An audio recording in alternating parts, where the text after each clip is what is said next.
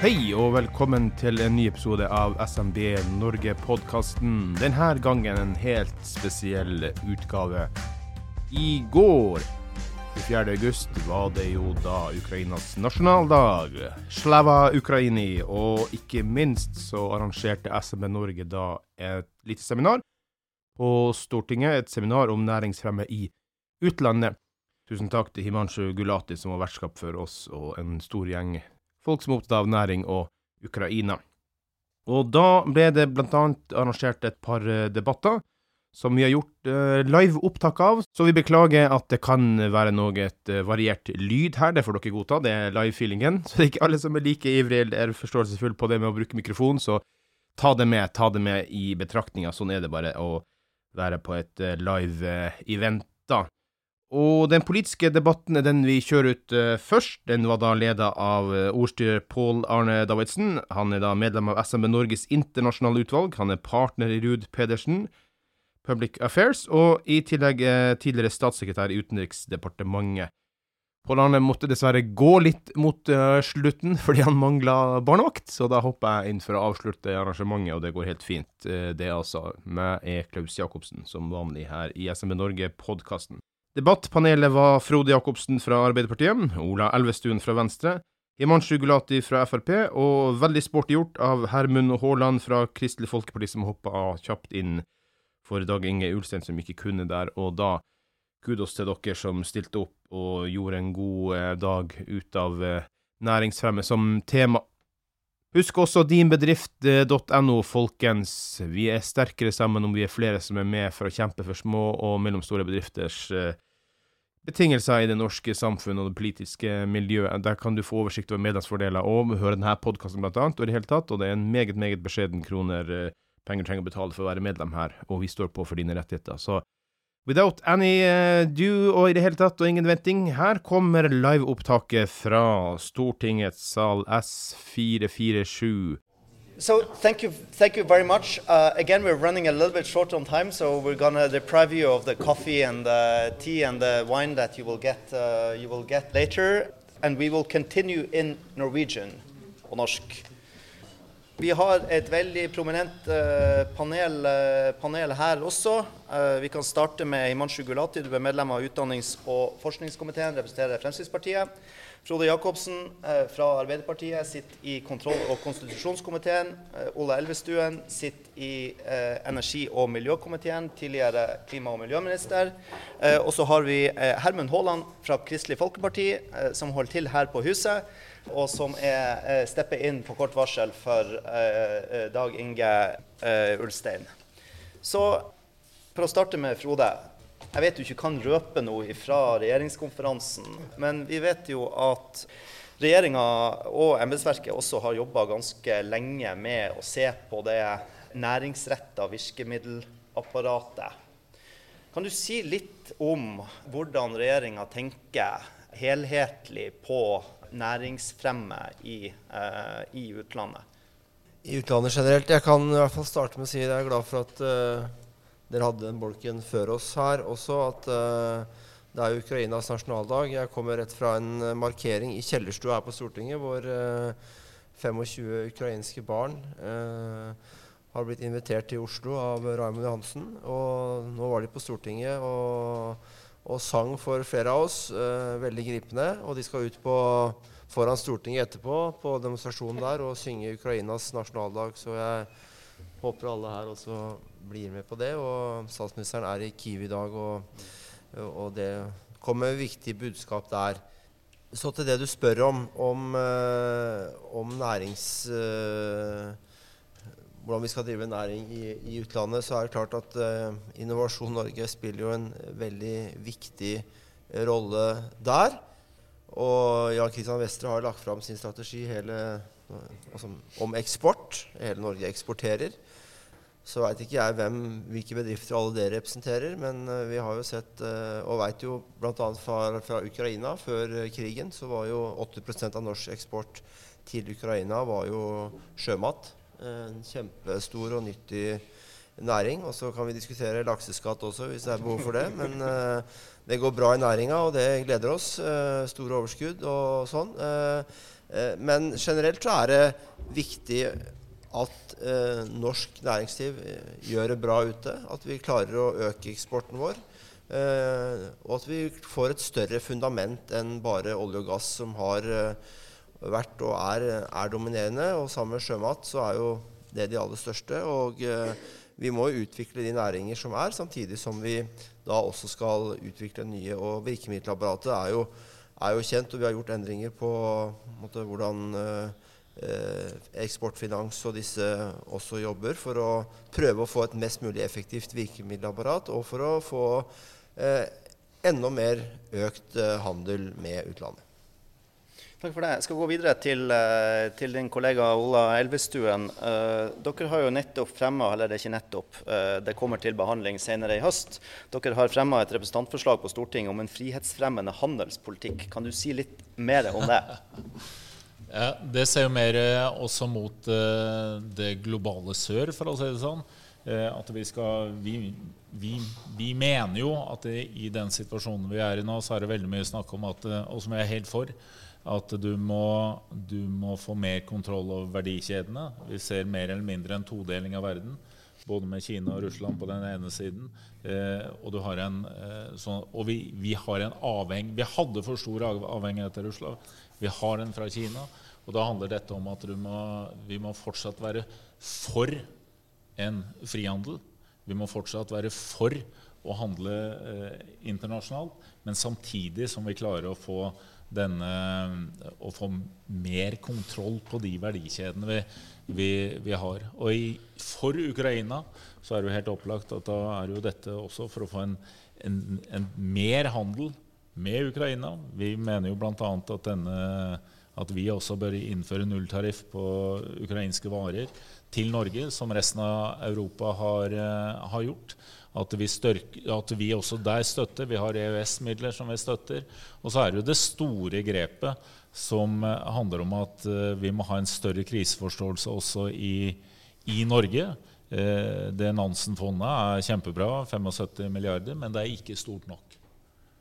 Vi kommer til å, å måtte øke det, ikke minst fordi de militære behovene er så mye større.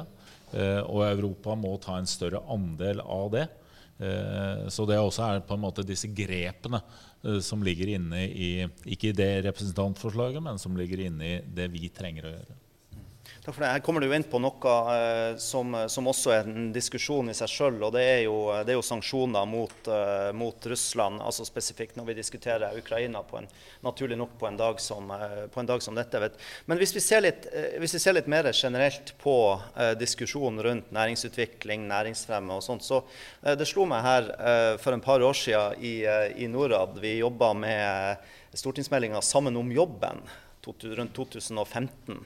Og Da bladde jeg litt i gamle papirer og gikk tilbake igjen til stortingsmelding i 1999, som kom under Bondevik I-regjeringa på næringsutvikling. Så det er altså 16 år imellom de to stortingsmeldingene på næringsutvikling.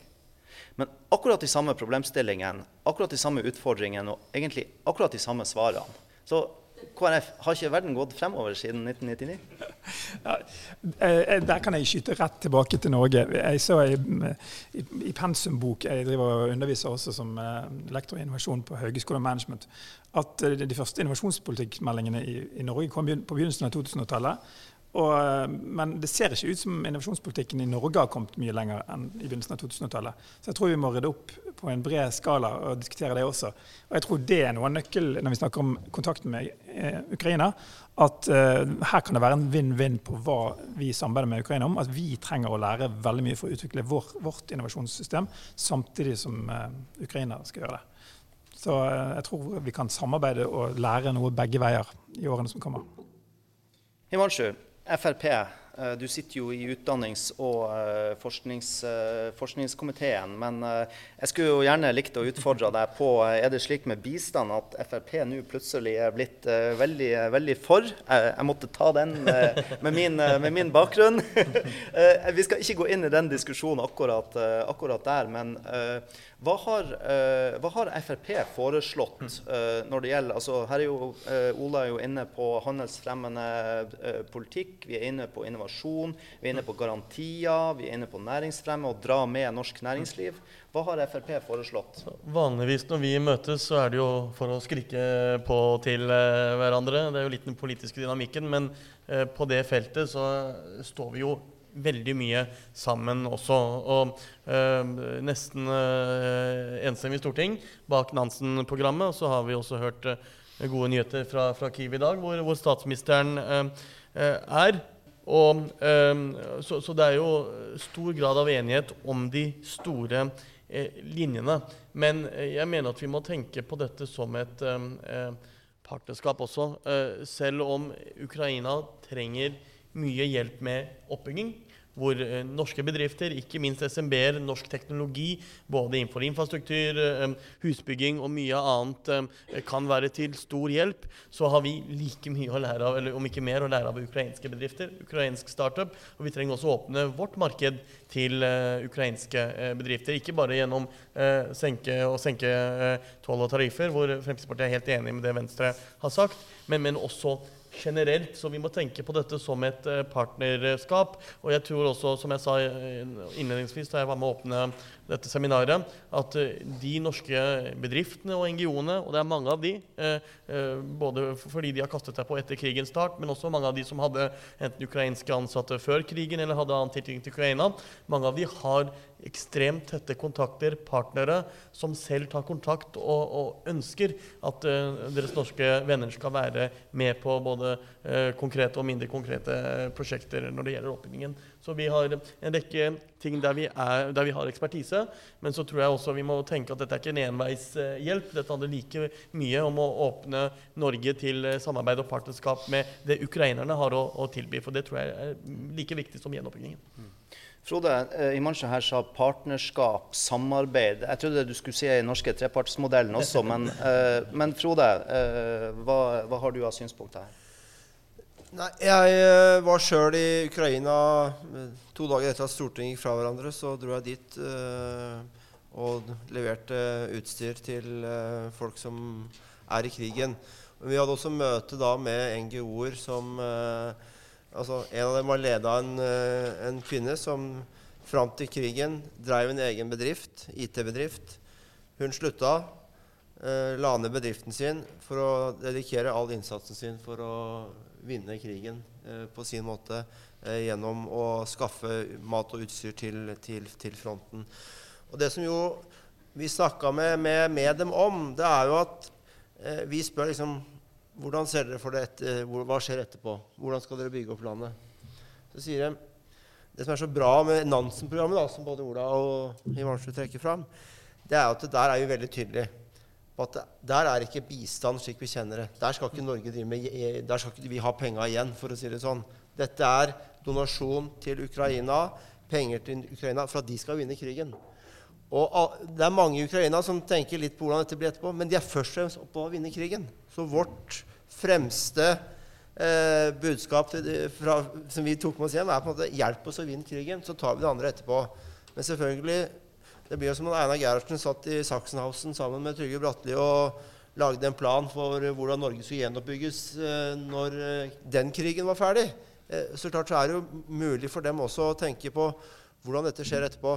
Men jeg bare håper at også norsk næringsliv for det første bidrar gjerne gjennom donasjoner til Fritt Ukraina eller andre på å eh, vinne krigen. Eh, sterk støtte for det. Men også at man da eh, i iveren etter å være med på å gjenoppbygge Ukraina Og de kommer til å trenge oss, og kommer å, vi kommer til å være der, og vi skal være der. Eh, men også ha med den dobbeltheten som, som det er. For de er ikke der helt ennå.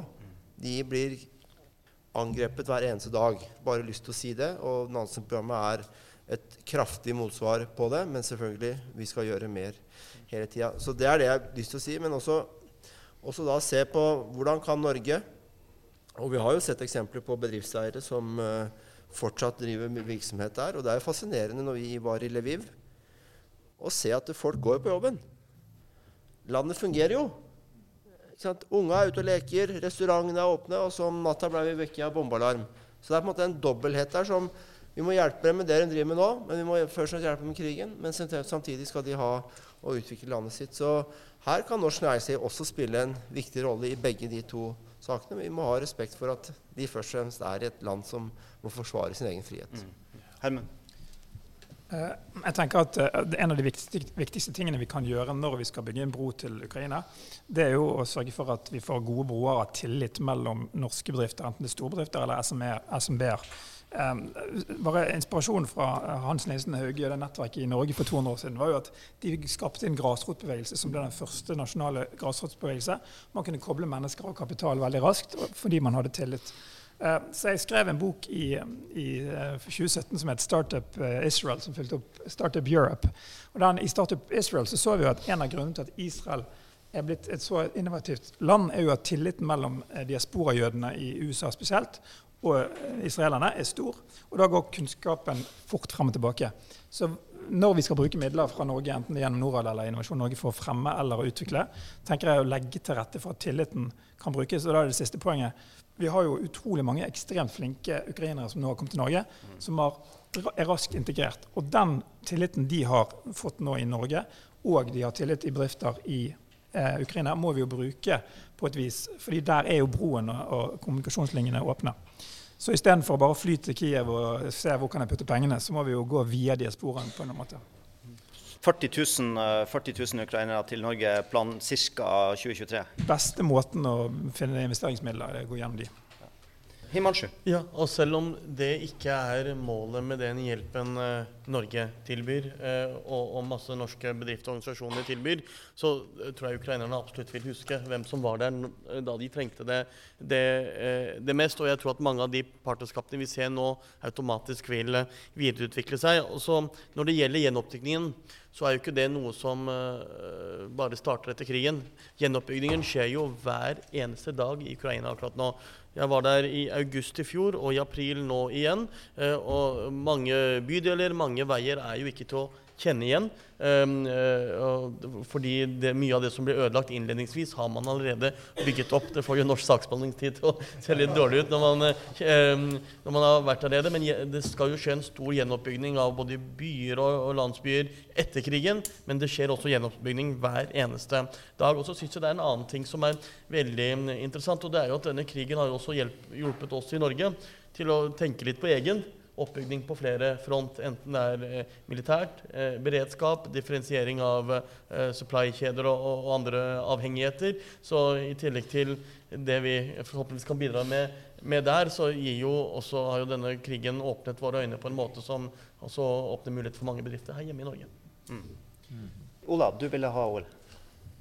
Ja, for jeg tror det er veldig viktig å se etter sammen. Det viktigste er å gi tung nok militær støtte. Eh, for dette er størrelsen på krigen, for å ta inn over oss den krisa det er også for oss. At det er en, eh, det er en kamp som Ukraina slåss for seg, sin egen frihet, men også vår. Eh, og nå, nå, gir vi jo Det er også veldig bra med, med F-16 nå.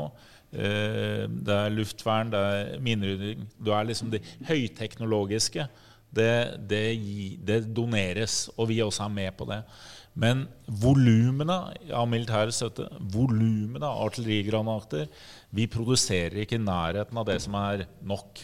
Så dette, den, den, den, krigsøkonomien vi også må bygge opp for å klare å produsere nok, er et kjempeviktig bakteppe. For vi Ukraina må vinne krigen, og vi kjenner ikke hvor lang tid det vil ta.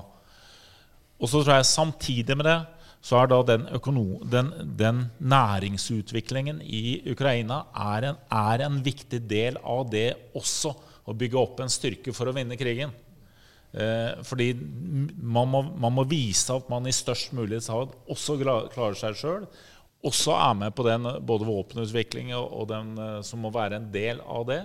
Og så må vi samtidig som vi støtter den delen, så må vi jobbe med hvordan Ukraina integreres ellers i økonomien i Europa. Derfor det med, det tariffen bør ned på null. Men også hele den EU-prosessen, hele den integreringsprosessen, må gå sin gang samtidig som vi har våre støtteordninger. Hvis jeg bare kan si en ting veldig kort, og så er jeg enig i det disse andre her sier også. Det er jo dere som representerer små og mellomstore bedrifter og er i næringslivet, så ville jeg også tenkt at uh, Du nevnte flyktninger. ikke sant? Det har kommet 40 000, og det, eller har kommet flere. da. Det kommer jo like mange i år sannsynligvis. Og en stor utfordring vi ser nå, er at det, det, er for få av dem som har kommet i jobb. Hvis man ser på en mulighet for en bedrift uh, til å også se hvordan kan vi støtte Ukraina etter krigen, hvordan kan vi eventuelt skaffe oss en posisjon, ja, så gi noen av disse folka jobb da, i din bedrift og ser liksom hvordan, hvilke muligheter kan det gi oss. Det gir støtte til dem, at de kan få et godt liv her. Eh, skal, mange av dem skal sikkert hjem, men jo lenger de blir her, jo større sjanse at de blir være i Norge. Men også vil jo det være en døråpner for mange til å se hvilke muligheter som da kan by seg i Ukraina etter krigen, og være et, eh, kanskje et viktig nettverk. Så det er bare eh, en, en idé som dere kan ta med dere helt gratis hjem. Det, eh, bare, hvis jeg får lov, bare noen sånne kommentarer her. Du snakka gjennom nærings, uh, næringsutvikling. Uh, Norad har jo to eksisterende program for, eh, for, akkurat eh, det. Det ene det støtte til eh, altså det her er ubundne midler, så det er også svenske og danske bedrifter som kan søke på, søke på det. hvor man kan søke om støtte til forundersøkelser, partnersøk, prøveproduksjon, opplæring av lokalt ansatte etc. Og den andre delen er jo strategiske partnerskap hvor uh, gjerne institusjoner og organisasjoner går sammen med privat sektor for å bygge opp kapasitet i, uh, i mottakerlandet. det ser man fra Olje for utvikling, Fisk for utvikling etc., hvor man bygger opp kapasitet der. og så i videreføringa av det, så er spørsmålet mitt som dere får lov til å, til å kommentere. For Norad sier jo det her at Eh, sannsynligvis en betydelig del av Nansen-programmet vil bli kanalisert gjennom multilaterale organisasjoner. Altså FN-systemet, Verdensbanken, utviklingsbankene, eh, BRD kanskje, eh, etc. Vi vet at Norge og norske bedrifter er sannsynligvis blant de dårligste i Norden til å benytte seg av de eh, anbudene som kommer ut fra de samme, eh, i samme institusjonene. Eh, best i klassen, eller i alle fall var det tidligere, var Danmark. Litt naturlig pga. at det ligger et tender center, et anbudssenter der i København. Eh, men, men, risikoen der er jo for at, eh, at eh, norske bedrifter kommer til å tape. og at man vil føre en mye mer aggressiv eh, strategi fra våre, våre, naboland. Har dere noen synspunkter der? Altså, Bergenseren snakker før han har tenkt. Det er jo sånn det. Nei, men dette ligner jo på samme situasjon med Horizon-programmene til EU. Eh, så, så, spørsmålet er hvordan får vi eh, vekket eh, søkeriverheten i Norge? Eh, og Det må jo være en, en kulturkampanje å, å, å, spre den kunnskapen. For kunnskapen om mulighetene er fortsatt for lav, opplever jeg den sektoren. Men jeg tror for det første at det er helt riktig at Norge gjør det vi gjør, istedenfor å begynne å lage egne, egne systemer knytta til uh, den støtten til Ukraina, og kanalisere det gjennom internasjonale systemer som uh, forhåpentligvis gjør at det gjør det mer effektivt. Og så er det noen utfordringer selvfølgelig i Ukraina knytta til korrupsjon og en del sånne ting vi skal være ganske oppmerksom på. Eh, men eh, jeg eh, håper jo at liksom også norske, norsk næringsliv og, og, norske organisasjoner skal være gode på å søke på det. Men igjen, vi gjør ting litt annerledes på denne, gjennom Nansen-programmet enn det vi er vant til i forhold til norsk bistand, og tenker ikke tradisjonelt bistand, nettopp fordi det er et land som er eh, invadert og i krig med et annet naboland som også er vårt naboland, så har vi valgt helt bevisst å sette til side en del av disse vanlige reglene. Her er det penger rett inn. Ikke noe sånn gjenkjøp, og vi skal få norske kontrakter igjen. Jeg syns det er helt riktig, og det gjør at en, måte, en del av den tradisjonelle tenkningen som du også da hadde, forresten, eh, beskriver ditt spørsmål. Men, men igjen, eh, da bør kanskje utgangspunktet være hvordan skal Norge tjene på dette, men også er det en lærdom til norske virksomheter til å tenke ja, eh, vi må bli flinkere til å søke på disse programmene. Pål hadde ikke barnevakt, så han måtte hjem. Himanshu si noe til slutt. Vi kan ta noen eh, spørsmål òg. Eh, absolutt. Og, og, og det siste som vi var inne på, er kanskje også en utfordring til, til Norad og de som skal da, eh, som vi er så heldige å ha her, som skal eh, lede dette eh, programmet. Hvordan gjøre den tilgangen så enkel eh, som mulig. Og jeg er også enig i det siste som Frode eh, sa. Den hjelpen vi gir, er først og fremst for å å, å hjelpe, ikke for å, å, å, få noe tilbake. Men vi er i den eh, gode situasjonen at veldig mange norske bedrifter har noe nyttig å, å, å tilby, eh, og som ikke bare handler om eh, eh, kommersiell aktivitet, men også det å være en del av en historieoppbygging her. Ola. Ja, det blir jo litt det samme. Det viktigste er jo at det virker i Ukraina og for Ukraina. Og så må vi være med så godt det er på de samarbeidene som utvikles. Men vi kan også ha de initiativene selv. Det ble nevnt her tidligere bl.a. etterpå på, på eh, kraftproduksjon innenfor energifeltet, hvor, hvor vi også kan ha egne programmer inn. Eh, det med forskning og utdanning, dette med å ha alle de der bilaterale eh, samarbeidene også. Og så er det jo de, de nettverkene som utvikler seg, både med alle de som nå er i Ukraina, som har den kontakten, kjenner at de vil være med og gjøre noe. Og selvfølgelig også den ukraineren som er, som er her. Så, så jeg tror det er hand, vi, må, vi må gjøre mer av det vi driver med. Og så er det hele tiden å søke hvordan blir vi, blir vi bedre, og hvordan oppnår vi bedre resultater for å vinne denne krigen.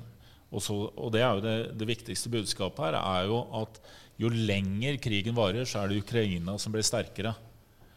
Og det er ingen tvil om at støtten skal opprettholdes og videreføres inntil de vinner. Hermund eh, fra KrF med boken i hånd. Du ville si noe til slutt? Ja, hvis vi, I den grad vi kan kanalisere egne midler, og det, kan jo øke budsjettene til Ukraina også, så tenker jeg at det som Steinar snakket om å støtte og bygge kapasitet i innovasjonssystemet, vil være en kjempesmart ting. fordi vi ser i Norge at det som skjer i økosystemet i innovasjon i Norge, det spiller over på etablerte virksomheter, at de lærer av gründermiljøet. Så jeg, eh, jeg tenker at nå, nå viste omstillingsparameteret til Abelia forrige uke at Norge har kjempeutfordringer, men de, vi er gode på to ting. Da. Det er at vi har en lav terskel for å etablere virksomheter som gjennom Altinn og andre avbyråkratiseringskunnskapsmetoder som vi har utviklet. Kan vi, det kan vi dele, den kunnskapen. Og vi er gode på samhandling mellom akademia, offentlig sektor og næringslivet med å dele innovasjonskompetanse. Og den evnen til å samspille Den kontakten jeg har med ukrainere, er at de, de er veldig mistroiske mot hverandre, hvis vi skal kalle en spade for en spade, mer enn her. Og da, da må vi lære de den samhandlingen. Det kan vi lære, det er vi gode på. Eh, så strategiske partnerskap med norske institusjoner, jobbe med å styrke innovasjonssystemet i Ukraina, jeg tror jeg vil gi gode effekter i ringvirkninger i næringslivet generelt i Ukraina. Eh, Det var gründer. Da skal vi ta og gå unna. Hvis noen vil ha spørsmål på slutten, så kom opp hit og ta det her. Vi, vi kjører et opptak her, så. Hei, Knut Ryn her fra Norseid, og jeg har et oppdrag fra foreningen NUG, eh, dataforeningen NUG, eh, å gjøre to ting. Det er å sørge for at de skolebarna som er i Ukraina, som er uten skole, som har ihjelskutte skoler, og jeg har sett dem sjæl. Du får ikke noe folk til å starte noe SME når unga ikke har utdanning og passes på. Og eh, veiene er ihjelskutt, og husa deres er brent ned. Og strømforsyninga er ødelagt, og jeg har sett det sjøl.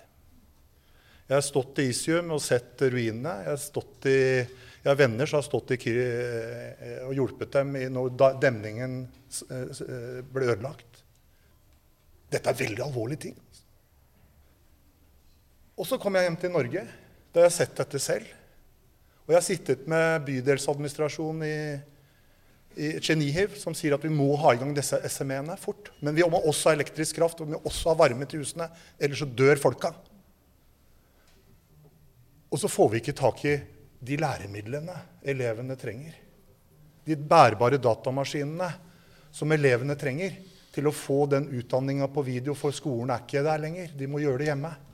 Vi får ikke tak i det. Fordi at vi har bærekraftmål i Norge og GDPR, personverndirektivet, som gjør at eh, bedriftene sender PC-en i søpla istedenfor til oss. Slik at vi kan lære opp barna. Da har vi jo politikerne må si- lære seg å si ja. Og hjelpe oss å fjerne disse byråkratiske stengslene. Vi må også ha politikerne som sier vi tar litt av det fondet og gir til den eh, traileren som skal nedover med disse bærbare datamaskinene for å lære. Samtidig som vi tar vare på foreldrene slik at de har tid til å starte bedriften og ikke være bekymra for egne unger. For de er ikke i skolen. Det er hverdagen i Ukraina. Nå fikk jeg sagt det! Takk. Så bygge opp eh, skole er vel det Å bygge opp skole igjen og eh, virkemidler. Jeg vet ikke om det er noen som vil kommentere det, altså. Ola først. Nei, Jeg har ikke noen kommentar. Jeg bare tror at vi i Norge også, vi, vi trenger å ha en sterkere kriseforståelse enn det vi har generelt i befolkningen. Og jeg tror den er, eh, den er faktisk mindre hvis du drar til Baltikum, hvis du snakker i Finland, Sverige, Danmark, så er den sterkere enn det den er her. Og det er den generelle forståelsen vi får, sånn at du kan få den fleksibiliteten. Eh, fordi det må gjøres, og det må gjøres nå. Frode? Jeg er enig, og jeg deler Knut sin uh, måte, både engasjement og, og, frustrasjon rundt det. Uh, samtidig er vi nødt til å gjøre dette også uh, på, på, den måten ukrainerne sjøl ønsker. De veit best. Himanshu? Ja, og det engasjementet er jo fantastisk, og frustrasjonen er til å ta og, og, og føle på. og det er jo litt etter å ha vært der to ganger selv etter krigens begynnelse, så er jo Jeg merker jo at um, hjelpen skjer på to nivåer. Det ene er jo det jeg nede, at skjer litt over our pay, pay grade, som er militære, fly, våpen, alt det som er veldig bra at skjer, men bestemmes litt høyere nivå.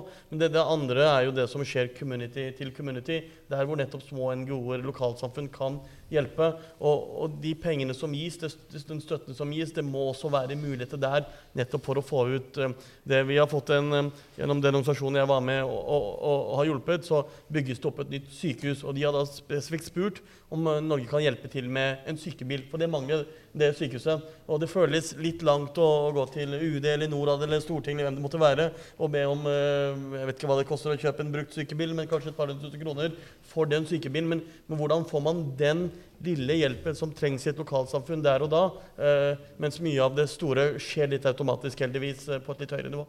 Hermund, helt til slutt, da. Dine innspill Nei, det, er ikke noe så mye å legge til. Men fortsett å plage oss og, og pushe oss til å være mer fleksible. Og så, og så, tror jeg vi, vi kan også bidra til at den kriseforståelsen blir større. Helt enig med Ola.